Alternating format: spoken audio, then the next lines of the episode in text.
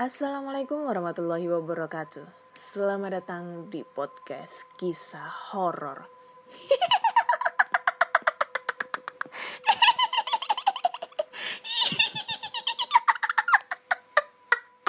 Hah, capek ternyata kalau ketawa gini ya. Coba coba coba. Ulang ulang ulang. Selamat datang di podcast kisah horor.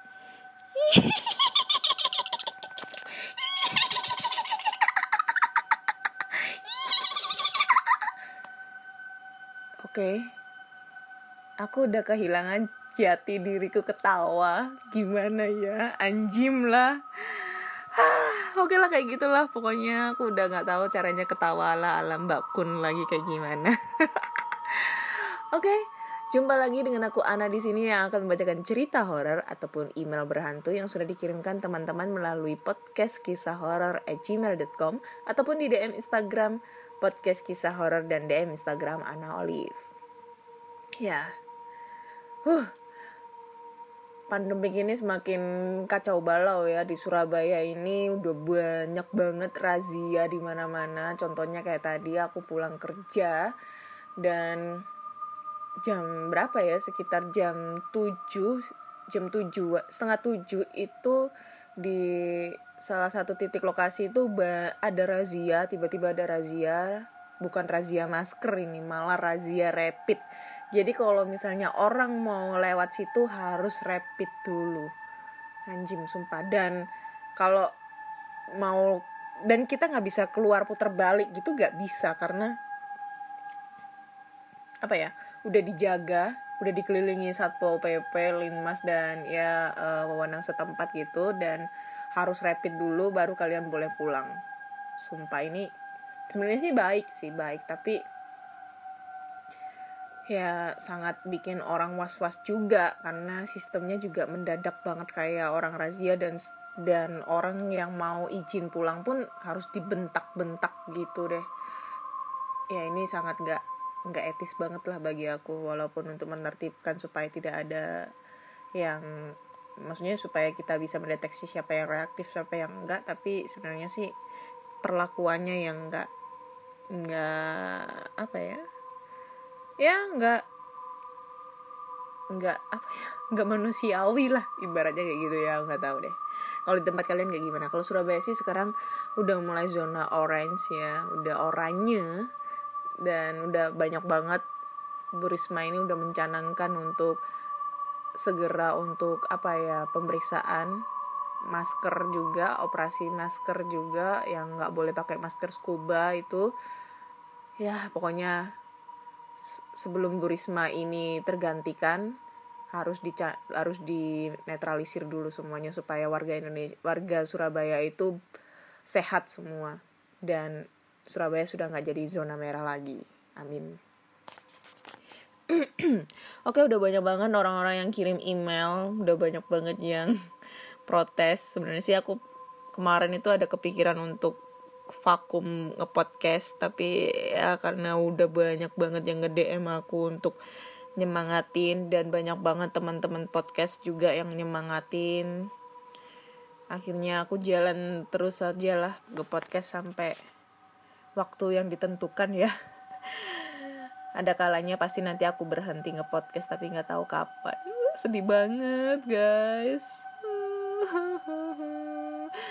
Uh, mari kita bacakan ceritanya. Bentar ya ini masih loading. Ntar dulu. Mana ya yang belum aku bacain?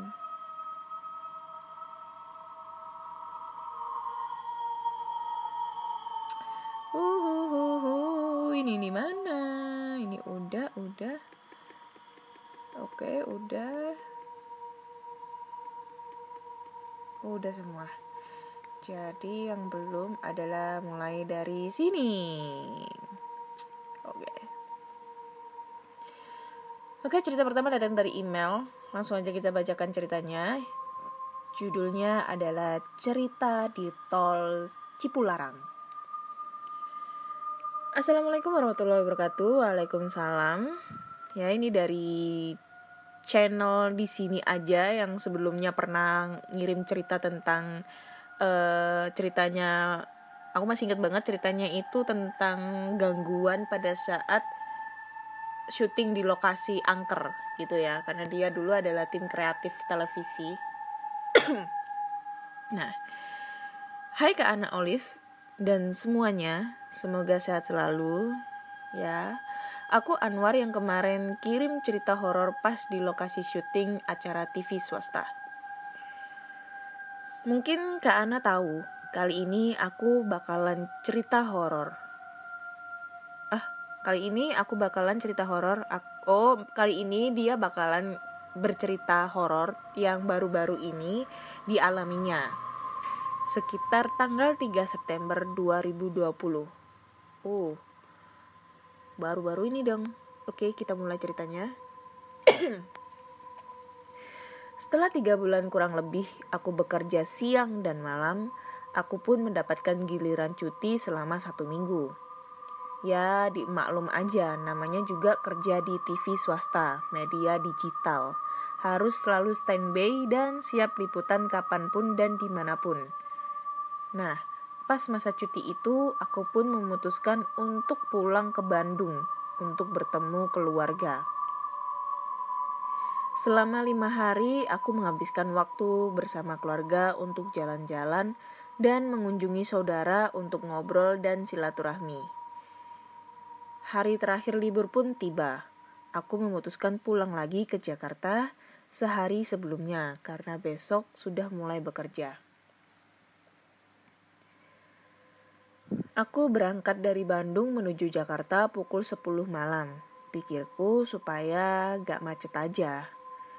Pas aku ke rumah tanteku, aku sempet dibilangin sama tanteku. Oh ya, Tanteku adalah seseorang yang peka dalam hal mistis. Ya, seperti anak indigo gitulah. Bi, Dedek berangkat ke Jakarta sekarang ya. Doain di jalannya. Terus tanteku bilang, Iya, hati-hati, Dek. Oh iya, Dek. Bibi lupa. Nanti pas di tol Cipularang kalau ada apa-apa jangan berhenti ya, abaikan aja. Loh, emang kenapa, Bi? Ya pokoknya abaikan aja. Terus jangan jangan sampai berhenti di tol meskipun sebentar. Ya elah, lebih banget sih Bibi ini. Lagian aku kan cowok, harus berani dong. Ye, dibilangin ya awas aja kalau ada apa-apa terus telepon ke Bibi. Cilah ngambek, Lagian tenang aja Bi, kemarin aja aku ketemu mantan biasa aja, gak takut anjing. Cuma nangis aja, dia ngasih surat undangan pernikahan. Anjim lah. Ya, malah curhat, sana pergi. Katanya mau berangkat, nanti kemalaman lo. Oke Bi, dedek pamit J. Oke oke oke. curhat ini masnya sama si Bibi. Pukul 21.45 aku pun mulai memanaskan mobil dan berangkat menuju Jakarta.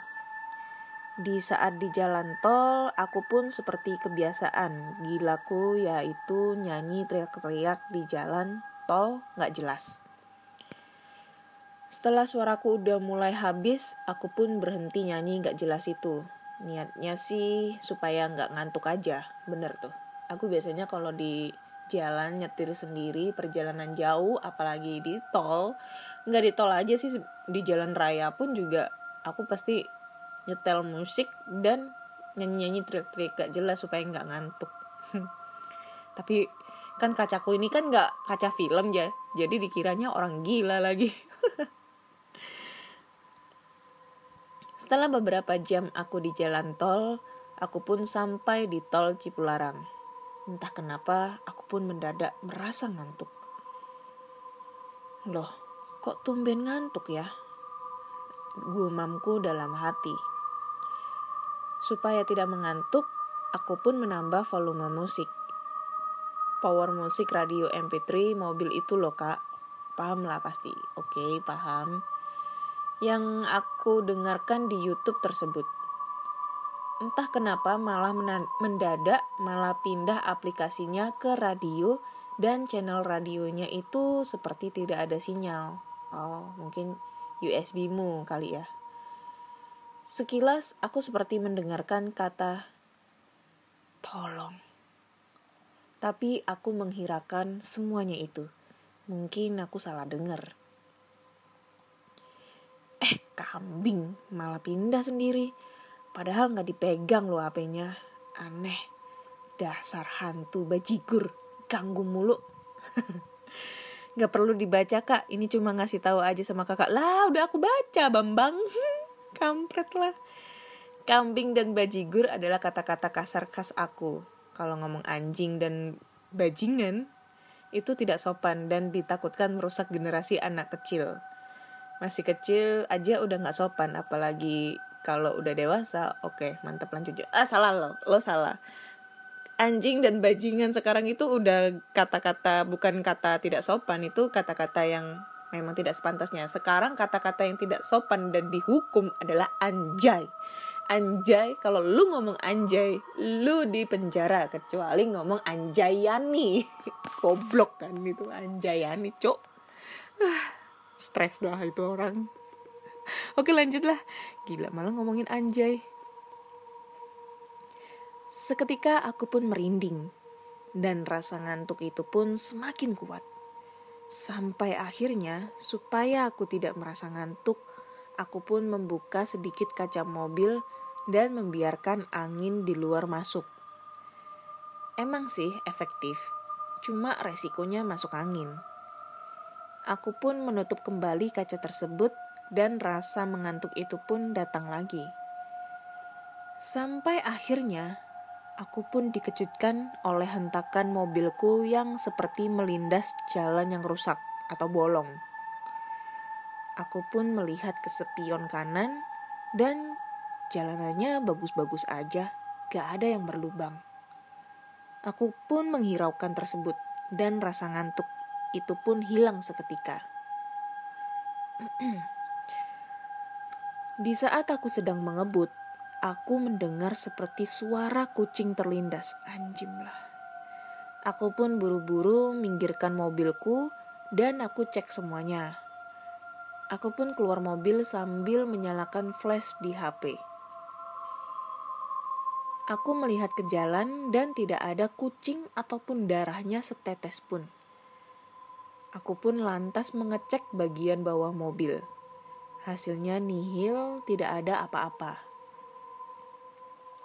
Logikanya, jika itu memang terjadi, otomatis bakalan ada bekas bangkai ataupun darahnya, iya kan?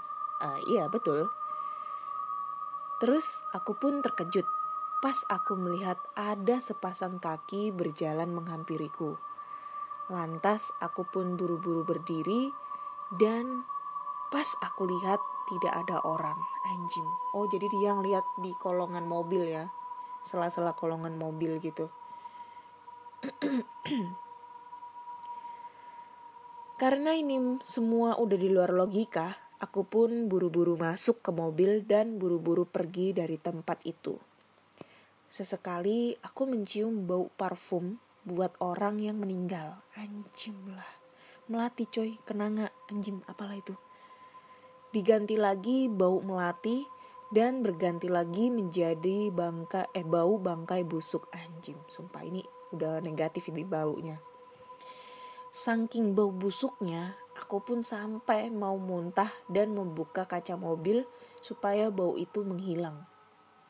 Uh, setannya udah masuk ini kayaknya. Oke. Okay. Singkat cerita, pukul setengah satu malam, aku pun sampai di kosan dan langsung bersih-bersih. Cuci tangan, cuci kaki, cuci muka, dan sikat gigi. Aku pun bersiap untuk tidur, karena badanku terasa lelah. Aku pun langsung tidur. Entah beberapa berapa lama aku tertidur, Aku terbangun karena ada suara ketukan pintu. Dengan setengah sadar aku pun berbicara. Tok tok tok tok, suara ketukan pintu. Ya, siapa? Di sini nggak ada orang. Setengah sadar ngomongnya. Terus terdengar suara ketukan pintu lagi. Apaan sih? Kambing. Ganggu banget dah. Orang lagi tidur juga. Nada sedikit marah dan beranjak bangun menuju pintu. Lalu aku membuka kunci, cekrek. Betapa kaget, kagetnya pas aku buka pintu, aku melihat sesosok wanita dengan baju putih penuh dengan darah dan bermuka hancur. Anjing, aku langsung ngoleh ke belakang dong, anjing. Bola matanya sampai terlepas satu dan lehernya seperti yang patah. Tubuh bagian perutnya robek sampai beberapa organ tubuhnya keluar anjing. Ah, tulungan antarkan balik. Oh, AA tulungan antarkan balik sambil merintih menangis anjing. Sumpah merinding, sumpah punggung aku langsung merinding anjing aku. Sumpah ini jujur ya ini kamarku aku buka pintunya dan seketika aku langsung noleh ke belakang karena kamarku posisinya ada di atas dan di atas itu cuma aku sendiri yang yang tidur anjing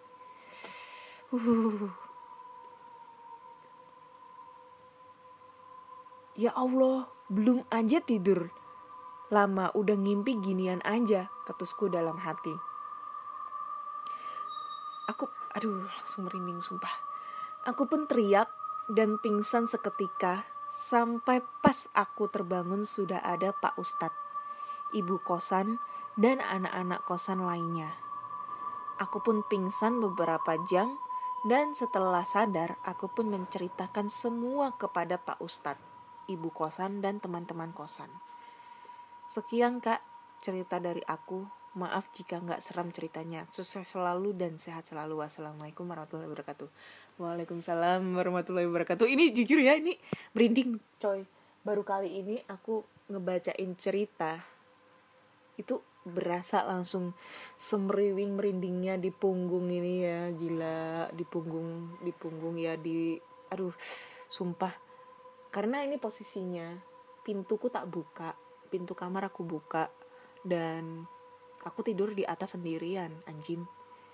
Dan ini jadi kebayang dong sosok hantunya kayak gimana. Dan kayaknya aku udah gak berani untuk lewat tol deh. Tapi kan aduh sumpah. Karena memang sebenarnya sih lewat aku kalau misalnya ya aku pergi ke mana gitu dan aku ngelewatin jalan tol yang posisinya malam hari dan sepi tolnya. Aku pernah nih ya eh per nggak salah itu oh dulu dulu itu aku pulang ke Jogja. Dulu pernah pulang ke Jogja aku naik mobil karena pos posisinya itu aku ada saudara meninggal di sana jadi orang tua kan berangkatnya itu pagi tuh ya kan? Pagi orang tua aku tinggal di Jogja terus besok sorenya ya bukan sore sih sekitar jam-jam nggak sore subuh sih. Malam banget lah jam jam 2 atau jam 3 itu aku pulang sendirian gitu kan. Niatnya itu langsung langsung ini langsung kerja gitu loh. Langsung kerja dan pulang kerja aku langsung balik lagi ke Jogja karena posisinya uh, aku hari Sabtu tuh masuknya itu sampai jam 2 jam 2 siang kan. Jadi pulang kerja langsung ke Jogja balik lagi. Dan pokoknya pasti kalau aku setiap ngelewatin jalan tol entah itu jam berapapun pokoknya malam aku selalu ngeliatin bangku belakang gak tahu kenapa mesti refleks ngeliatin bangku belakang. Karena takutnya itu ada yang ngikut gitu loh ada yang duduk di belakang. Pas kita ngeliat di kaca kaca ini ya spion tengah itu anjing lah spion belakang itu pasti kita refleks banget buat ngeliatin. Yang aku liatin bukan jalanan tapi bangku belakang anjing lah. Pokoknya tuh aduh serem banget sumpah kalau lewat tol itu Oke, Mas Anwar cerita membuat saya merinding di opening ini ya, gila loh.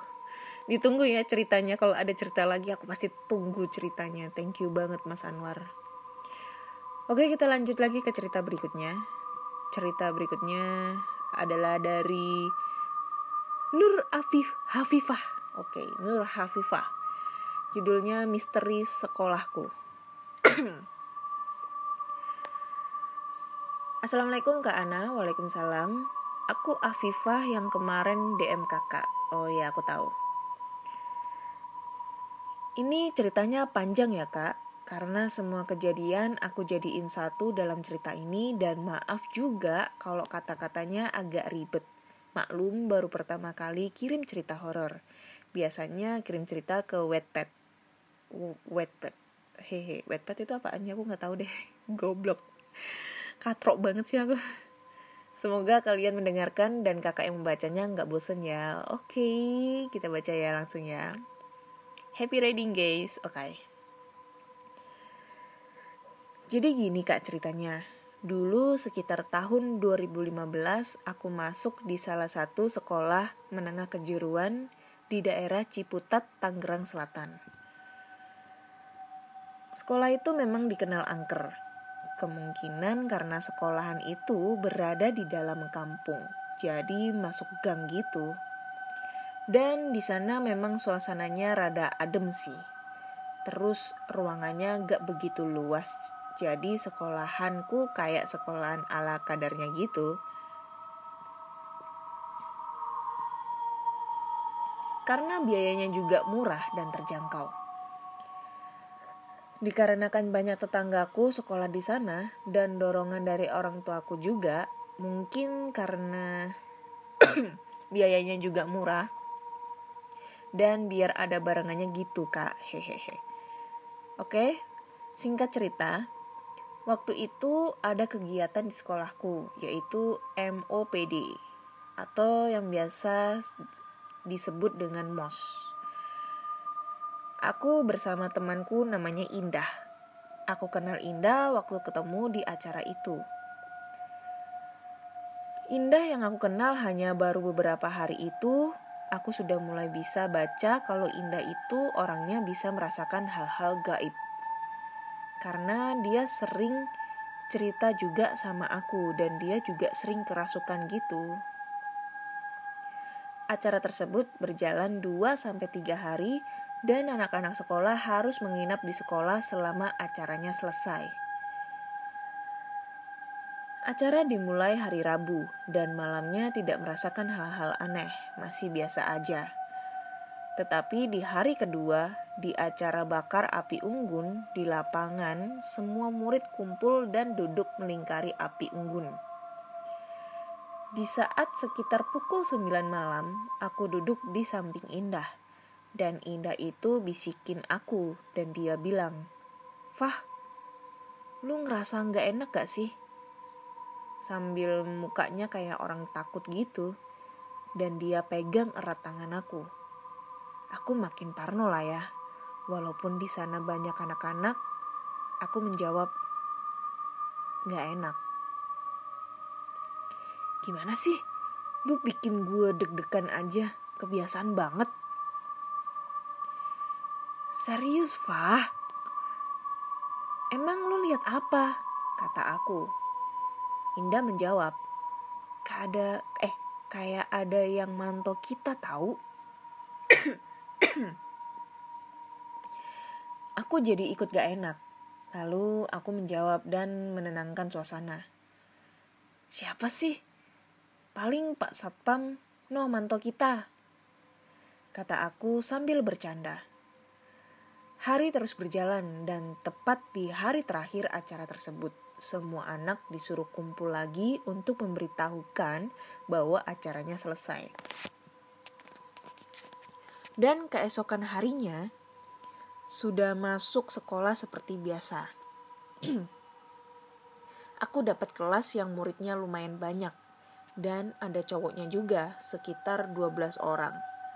Anak cowoknya aku sudah mulai beradaptasi sama teman-teman kelasku.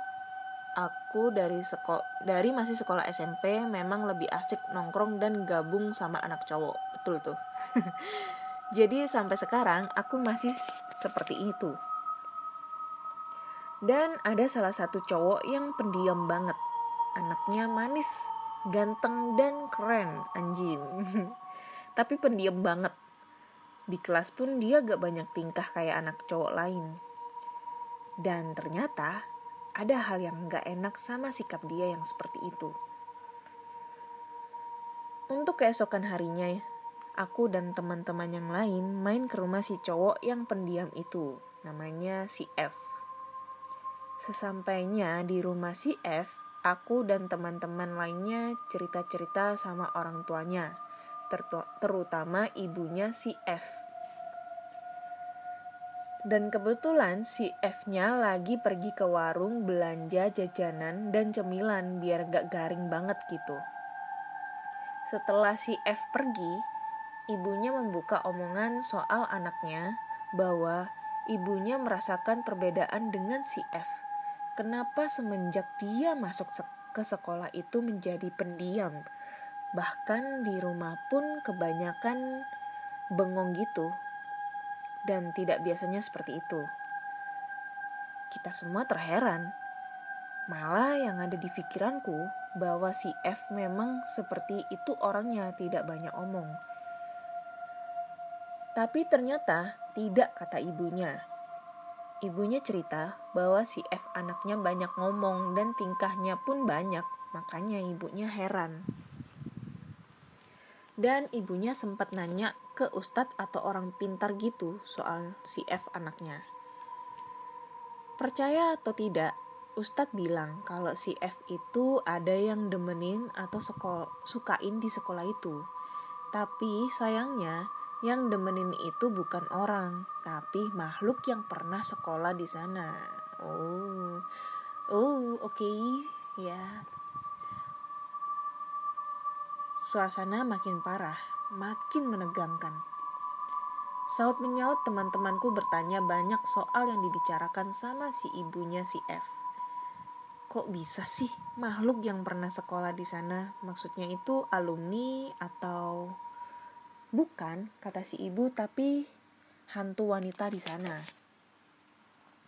Semua pun kaget.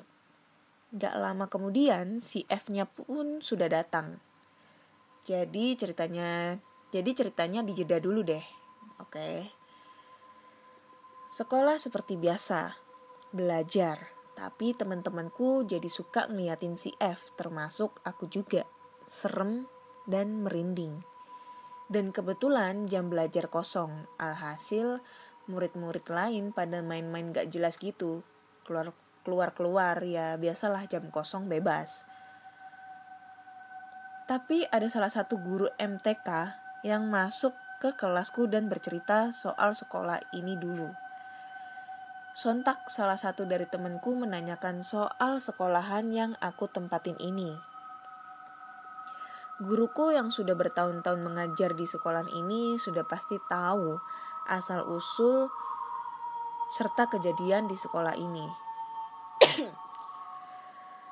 Sambil teman-temanku memancing si ibu guru ini agar cerita, akhirnya si ibu terpancing untuk menceritakan semua kejadiannya.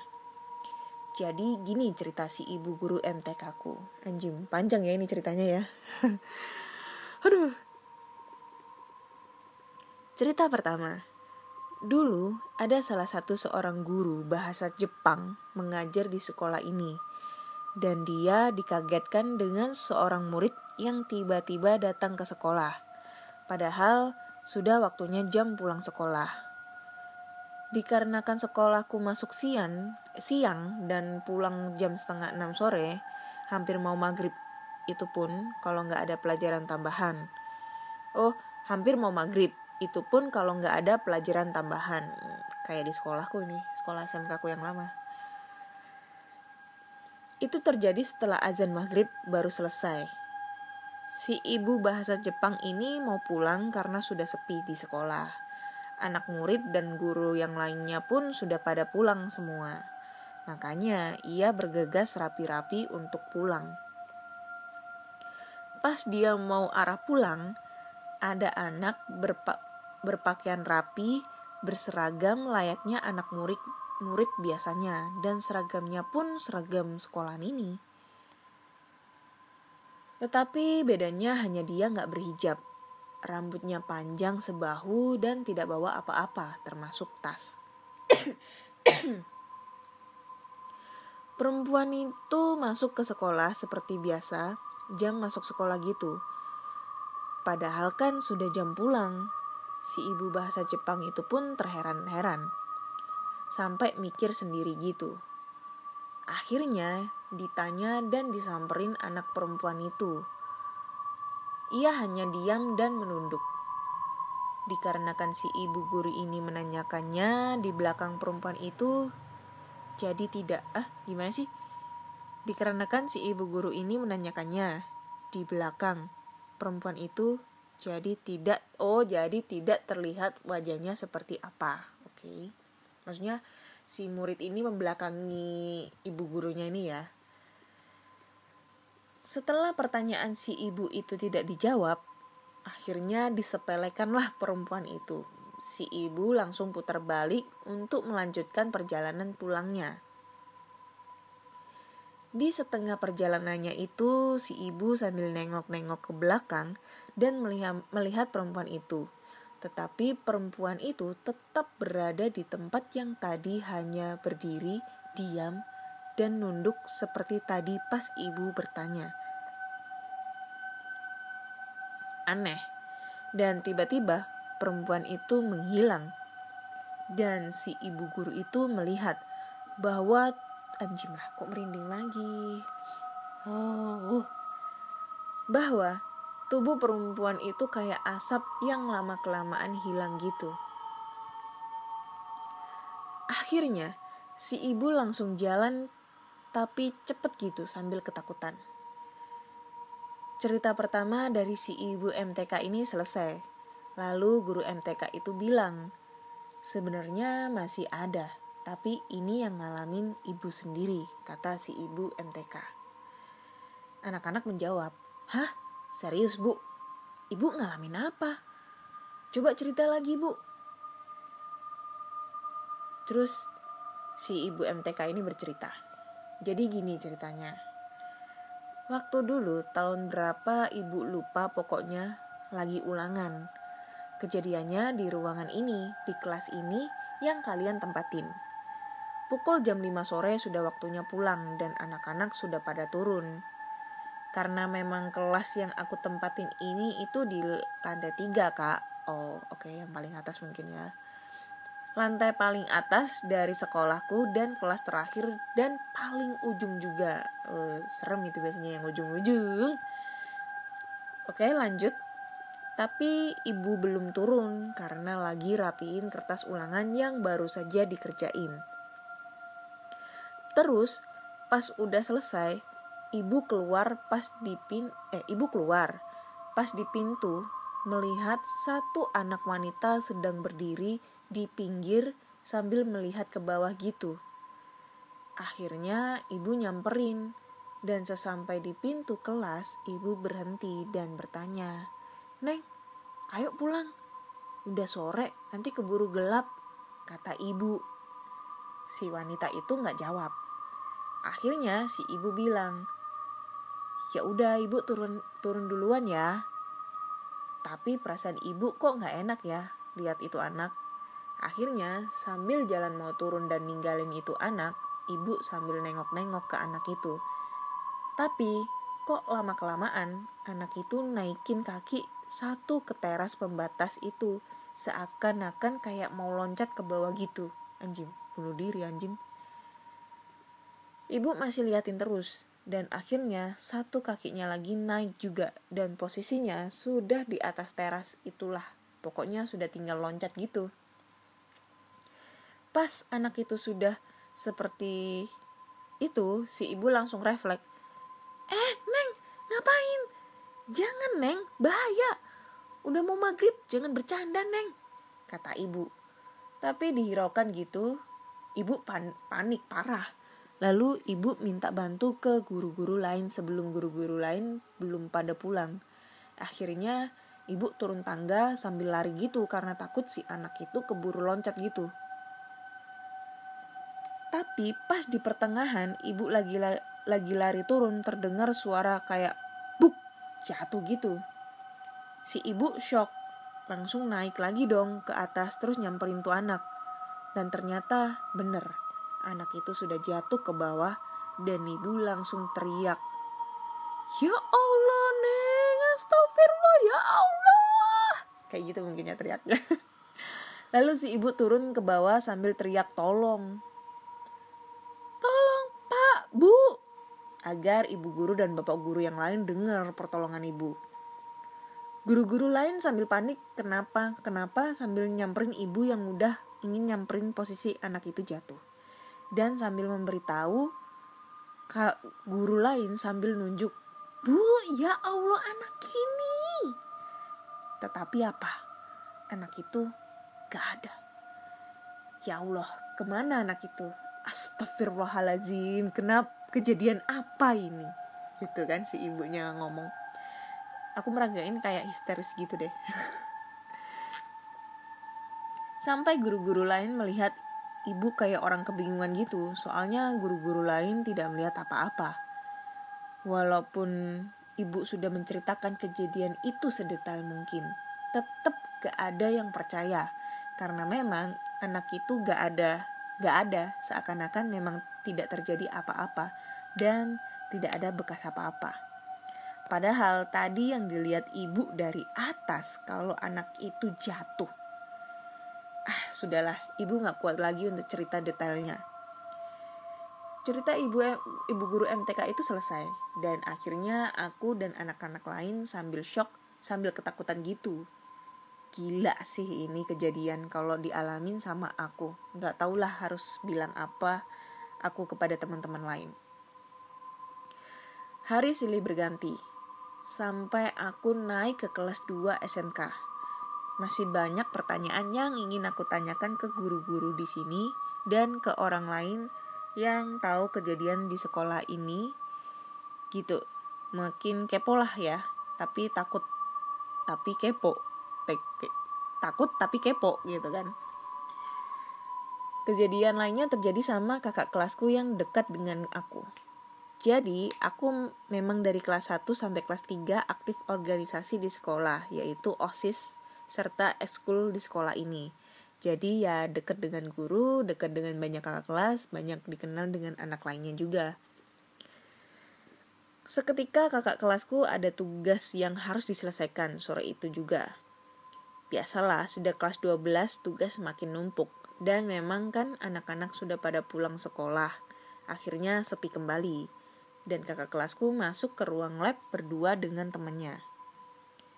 Dia bilang dia berdua sedang mengetik soal bahasa Indonesia kayak semacam bikin makalah gitu deh yang diketik panjang gitu dan selama mengetik tidak terjadi apa-apa.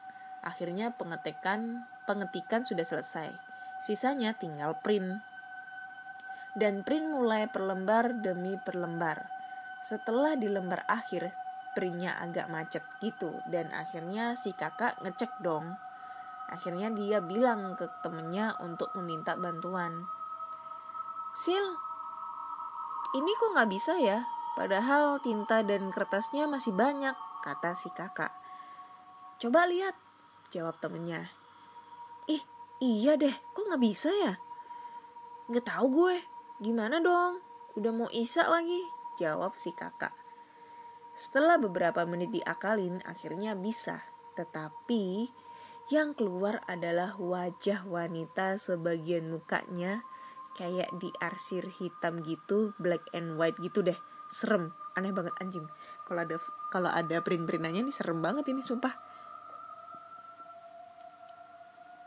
Dan akhirnya si kakak dan temannya shock langsung meninggalkan tugas itu lalu lari keluar dan pulang. Lanjut. Semakin hari semakin was-was. Akhirnya aku sampai naik ke kelas 3 SMK. Akhirnya aku sudah menjadi kakak kelas. Aku sudah mulai terbiasa dengan kejadian itu dan temanku si Indah juga ya sudah biasa dengan sikapnya yang kadang-kadang seperti itu. Satu lagi, temanku si F masih menjadi pertanyaan karena cerita si ibunya dijeda waktu itu. Pada akhirnya aku dan temanku kebetulan sekali diajak ke tempat ustadz yang dipertanyakan tentang si F. Pas banget kan ya? Karena ibunya sudah care banget dengan kami, jadi makanya ibunya mengajak kita ke tempat ustadz itu. Sesampainya di sana, gak pakai basa-basi lagi ya. Ustadz bilang, kalau wanita yang sedang menyukai itu adalah siswi yang bunuh diri di kamar mandi di sekolah itu yang sekarang dijadikan lab IPA yang tidak boleh dibuka ruangannya dan tidak boleh dipakai lagi sudah digembok. Oh, oke, okay. Tapi ruangan itu masih tersisa kerangka-kerangka peralatan-peralatan IPA gitu, kayak patung tanpa baju. Gitu-gitulah ya. Pasti tahu kan? Oh, oke, okay, tahu ya buat praktek gitu ya. Setelah itu aku berpikir, berarti selama ini ada ruangan angker di sekolahku. Dan memang posisinya itu di lantai tiga di, di pojok samping kelas yang aku dan teman lainnya tempatin. Pantesan horor banget. Oke, sudah ya kak ceritanya selesai. Hehe, karena kebanyakan juga ceritanya aku sampai pindah-pindah tempat karena ini kejadian real dan benar terjadi. Jadi ngetiknya rada deg-degan dan bawaannya serem gitu. Makanya aku kalau ketik pasti pindah tempat yang rame. Oh iya iya. Ngetik cerita ini aja sampai dua hari karena aku sem sempatnya malam. Pagi sampai sorenya aku kerja. Oke. Okay. makasih banyak kan dengan responnya yang baik. Sehat selalu ke Ana. Semoga makin sukses. Thank you. Thank you siapa tadi? Arafa ya? Thank you Arafa siapa sih namanya Oh Hafifah? Arafa Thank you Hafifah buat ceritanya. Udah ceritanya ini lumayan ya uh, creepy. Uh, apa ya panjang banget tapi detail dan tidak berbelit-belit. Itu yang aku suka. Walaupun panjang mah nggak masalah. Yang penting ceritanya jelas gitu. Tujuannya ke mana. Tapi emang ya emang kalau kita suka lu pernah kebayangin gak sih lu la, la, lagi ada di sekolah dan posisinya itu mungkin uh, pulangnya itu jam 5 sore atau menjelang maghrib. Pas kita lagi ngelewatin lab IPA pasti kita suka lirik-lirik ke dalam ruangan lab tersebut dan mesti uh, pandangan kita tertuju sama uh, kerangka manusia sama patung anatomi itu yang yang kalau kalian tahu tuh kan ada kan ya di sekolah itu pasti ada deh atau di rumah sakit. Ada kayak patung manusia tapi separuh ini separuh ini menunjukkan organ-organ manusia dari otak, jantung, paru-paru, mata gitu kan kan serem banget gitu kan. Uh, syaraf-syaraf urat-uratnya kayak gitu. Itu serem banget. Dan biasanya benda-benda itu yang kita parnoin yang kita takutin. Tapi sebenarnya memang kebanyakan makhluk-makhluk halus itu mendiami patung-patung yang menyerupai manusia. Ataupun pokoknya gambar-gambar yang menyerupai manusia. Contoh manekin. Kerangka kerangka manusia yang dijadikan praktek itu. Uh, patung anatomi itu. Lalu ada lagi lukisan manusia. Itu selalu benda-benda tersebut uh, dihinggapi makhluk halus bahkan bahkan nih ya boneka boneka itu bisa juga jadi perantara makhluk halus untuk dihinggapi. Serem gak nih? Lu, lu pada yang punya boneka di rumah, apalagi yang banyak banget bonekanya, itu harus waspada ya, gila itu. Aku tuh kalau ngeliat video di YouTube tentang eh, boneka-boneka yang bergerak itu serem anjing. Untung bonekaku tuh cuma boneka sapi yang udah buluk yang aku jadiin bantal. Aku tuh sebenarnya sih suka boneka tapi aku takut sama boneka sebenarnya. Ya itu tadi takutnya karena takutnya tuh tiba-tiba bergerak gitu loh. Sampai dulu itu punya niatan mau aku apa mau beli kamera infrared itu yang murah-murah itu. Terus aku taruh gitu di kamar pada saat aku tidur gitu. Takutnya nanti pas aku punya dulu sih ya pikiranku kalau punya boneka jadi bisa kerekam lah pada saat itu. Wih paranormal experience itu mah. Aduh serem sih.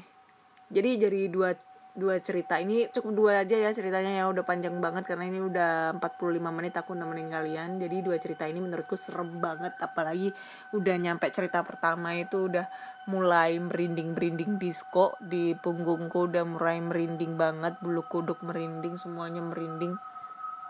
Ditambah lagi cerita kedua apalagi pas pas obrolan tentang kerangka-kerangka manusia lab gitu. Aduh udah ngebayangin deh posisinya kalau aku ada di situ kayak gimana. Karena aku suka aku sukanya kayak gitu biasanya. Kalau lewat depan lab lab IPA itu selalu pandanganku tuh tertuju sama uh, dua dua benda tersebut. Kayak gitu.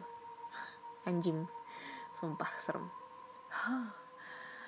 Oke deh, cukup sekian dulu cerita kali ini. Udah dua cerita yang aku panja, uh, aku bacakan. Ini cukup dua cerita ya, karena memang yang cerita terakhir ini panjang banget. Cerita pertama juga lumayan, tapi yang paling panjang itu cerita kedua. Tapi it's okay, ini ceritanya bagus-bagus. Uh, apa ya? Ceritanya ini detail banget, klimaks dan nggak berbelit-belit dan apa ya? Uh, jelas gitu loh. Ceritanya tuh jelas banget gitu loh So thank you banget buat Mas Anwar sama Hafifah untuk ceritanya. So jika kalian mempunyai cerita horor, entah itu pengalaman dari kalian sendiri, kakak, adik, kakek, nenek, ayah, ibu, adik, kak, eh, temen ataupun bahkan pacar kalian, kalian bisa langsung aja kirim cerita kalian ke podcast kisah horor at gmail.com podcast kisah horor at gmail.com ataupun di DM Instagram podcast kisah horor dan DM Instagram Ana Olive. Dan jika kalian uh, senang dengan cerita-cerita horor lainnya, kalian bisa langsung aja mampir ke channel YouTubeku namanya Ana Olive. Di situ ceritanya beda, aku bacain cuma satu cerita dan ceritanya itu beda dengan yang ada di podcast aku. Jadi uh, apa ya? Ya beda lah ceritanya nggak ada yang nggak ada di episode podcast oke okay? jangan lupa subscribe like comment dan share dan podcast kisah podcast kisah horor kali ini sudah bisa didengarkan di Spotify, Google Podcast, Apple Podcast, dan Anchor. Jangan lupa klik tombol follow agar kalian selalu update tentang cerita-cerita horor yang lainnya. Oke, okay? Thank you udah ngedengerin. Selamat bermalam minggu. Selamat berpacaran Yang bagi yang punya pacar Yang jomblo ya udah di rumah aja Gigi jari gak usah ke mana-mana Nanti kena razia. Dan sehat-sehat terus buat kalian semua. Oke okay? thank you dan good night